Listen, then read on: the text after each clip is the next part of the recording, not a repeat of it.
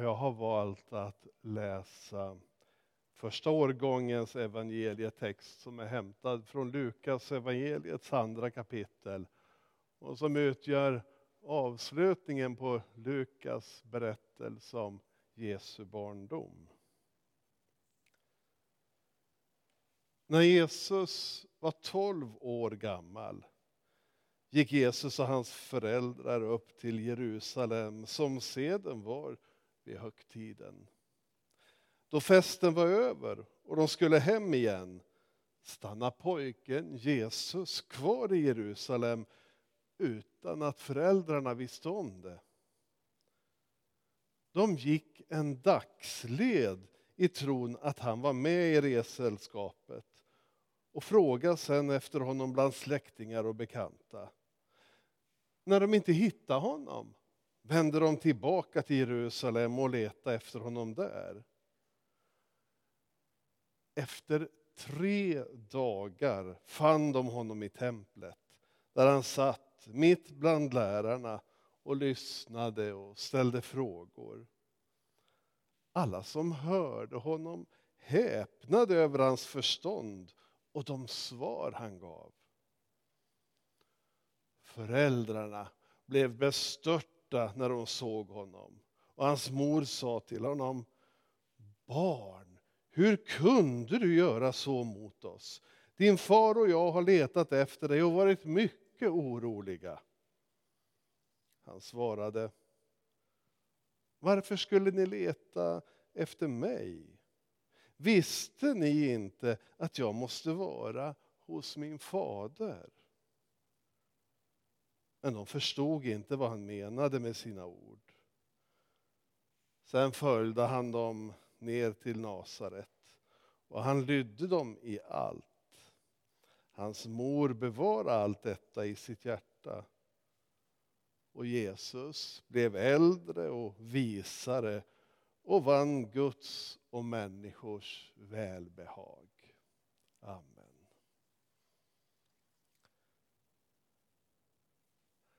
Ja, som så många andra föräldrar så hade Josef och Maria tagit med sig Jesus till Jerusalem för att fira en av de stora högtiderna.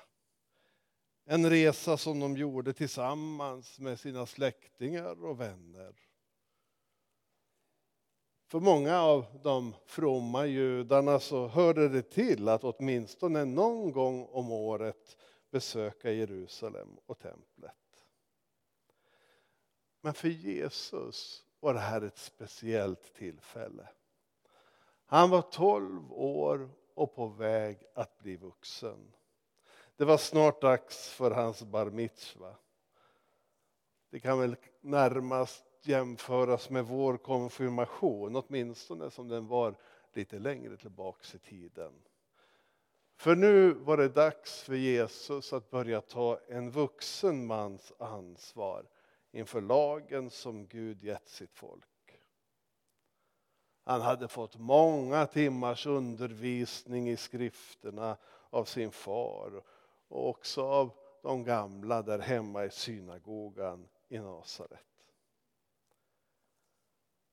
Så det var med spänd förväntan Jesus kom till templet Jerusalem den här gången. När festligheterna var över så begav sig alla som har varit där för att fira de begav sig av hemåt igen. Alla utom Jesus. Det kan man ju tycka att Josef och Maria var lite slarviga som föräldrar, eller hur?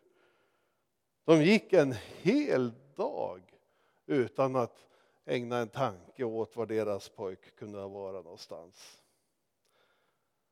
Men kanske tyckte de att han var stor nog att ta hand om sig själv nu och hur som helst så trodde de nog att han fanns där någonstans i det stora resesällskapet. Men när det blev kväll och de fortfarande inte hade sett till honom, att då blev de ju förstås oroliga. Var kunde han vara någonstans? De frågade runt bland sina släktingar och vänner, men ingen hade sett honom Inte sedan de lämnade Jerusalem. Ja, det fanns förstås inget annat för Josef och Maria att göra än att vända tillbaka och leta. I tre dagar letade de innan de hittade honom. Tänk er det. I tre dagar var deras barn försvunnet. Efter att ha letat i, i området där de bott och på alla tänkbara platser som man skulle kunna tänka att en tolvåring hade sökt sig till så gick de till slut upp till templet. Vem vet, kanske gick de dit för att leta. Eller kanske gick de dit för att i sin förtvivlan offra och be. Ja, hur som. När de kom till templet så hittade de honom i alla fall. Tänk att där satt han i godan ro och lyssnade till lärarna och ställde frågor. Och Josef och Maria som hade varit så oroliga. Tydligen så är det inte så stor skillnad på att vara förälder idag och för 2000 år sedan. Åtminstone vad jag kan minnas av när barnen var mindre så är det inte svårt att känna igen sig i Marias sätt att reagera när de äntligen hittar Jesus.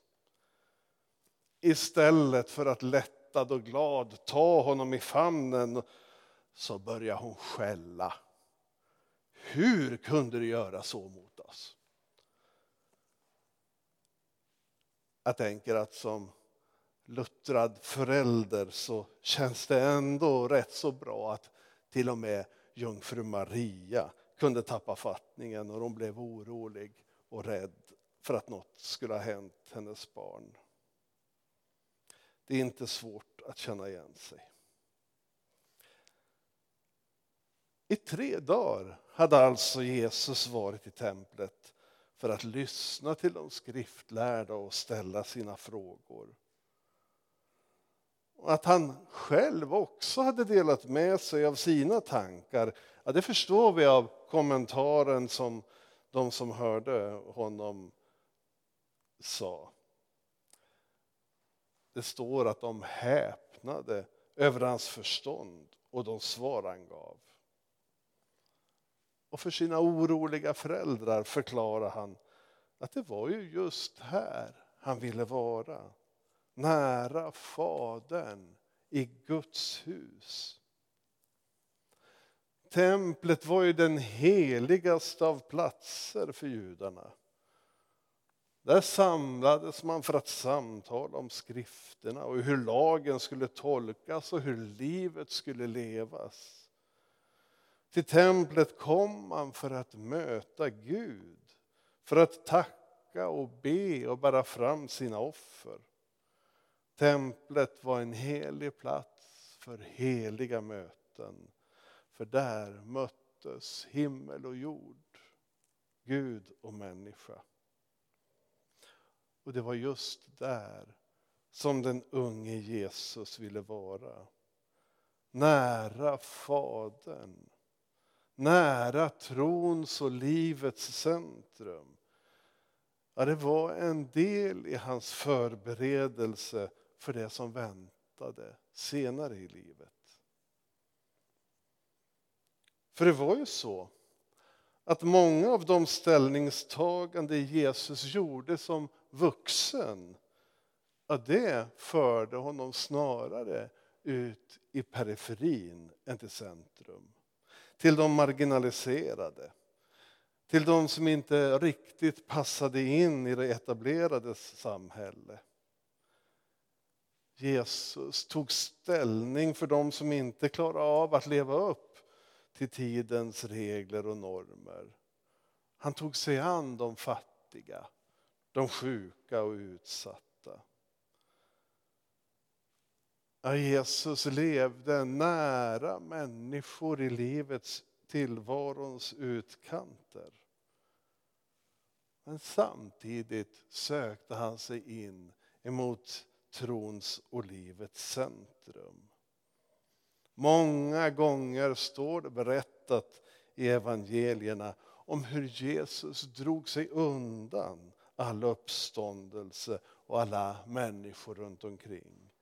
Drog sig undan för att be och vara nära Fadern, Gud Fader själv. Nära människor och nära Fadern. Ja, så var det Jesus levde. Och att leva i Jesu efterföljd, ja, det handlar ju mycket om att följa Jesus i den där rörelsen. Rörelsen in mot trons centrum och gemenskapen med Gud Fader själv. Att få del av kraften och kärleken för att sen vända sig utåt. Dela med sig av det man fått, hur människor man möter. Att söka sig in mot centrum för att sen ge ut och dela med sig. Ja, det är den livsrörelse som Jesus lär oss. Att söka sig inåt för att ge ut.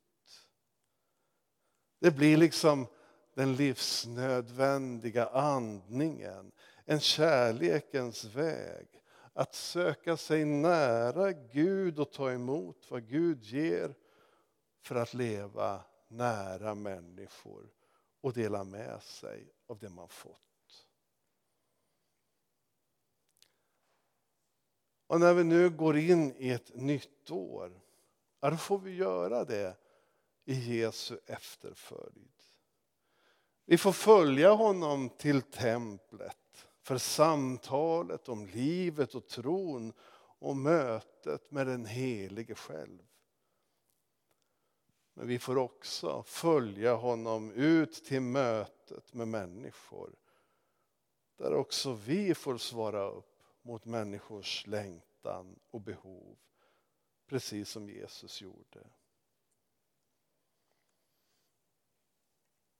Det kanske är mycket begärt, men det kan ju vara någon av er som minns att vi för, ja det måste vara tre, nästan fyra år sedan, som vi hade en sån här eh, församlingsdag, uppstartsdag på Sjövik.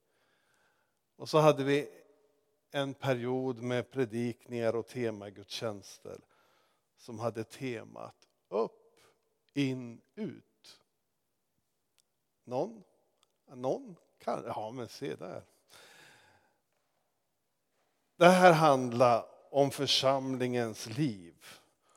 Och att om församlingen ska vara välfungerande ja då behöver det finnas någon form av balans mellan de här tre. Upp, in och ut. Och så hade vi bilden av en triangel då förstås. Det ligger liksom i sakens natur. Där upp står för relationen med Gud. Att precis som Jesus leva i den där nära relationen med Fadern. En relation som byggs med hjälp av bibelordet, bönen, gudstjänsten, dopet, nattvarden, lovsången och så mycket annat. In, ja det står ju för relationen med varandra församlingsgemenskap i både det stora och det lilla. Gemenskapen i fest och glädje där vi är många tillsammans. Men också den nära gemenskapen där vi kan få dela tron och livet i kärlek och omsorg om varandra och med några få. Ut, ja det står förstås för relationen med samhället och världen runt omkring. För vi är ju inte Betlehemskyrkans församling i Gävle utan församlingen för Gävle. Vårt uppdrag är att dela med oss av vår tro i ord och handling. Det handlar om diakoni och evangelisation genom allt det vi är och gör både som församling och som enskilda. Upp, in och ut. Tre delar som behöver finnas med i församlingen och i våra egna liv också för den delen. Och det här temat har vi faktiskt tänkt att plocka upp igen framöver. Och lite längre fram på vårterminen, beroende på hur det blir med restriktioner och sånt förstås, så har vi i alla fall tänkt att bjuda in till Alfas bönekurs som en hjälp att stärka och fördjupa bönelivet. Alltså det som hör ihop med relationen upp.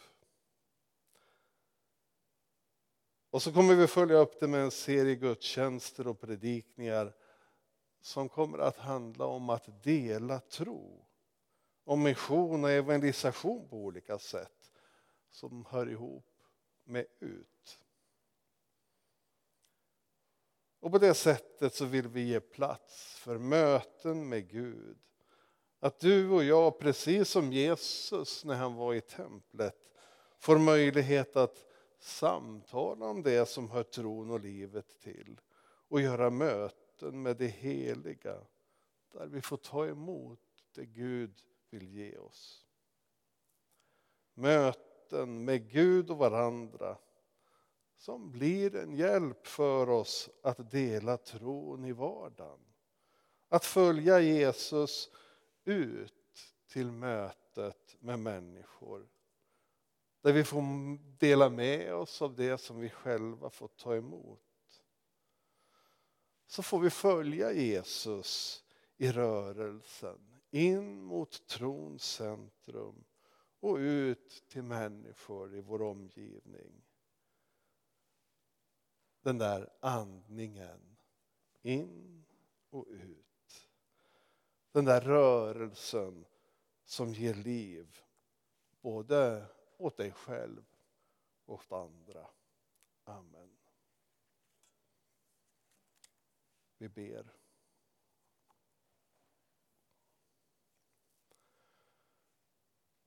Herre Jesus Kristus så här i början på ett nytt år så vill vi på nytt ta rygg på dig, gå i din efterföljd.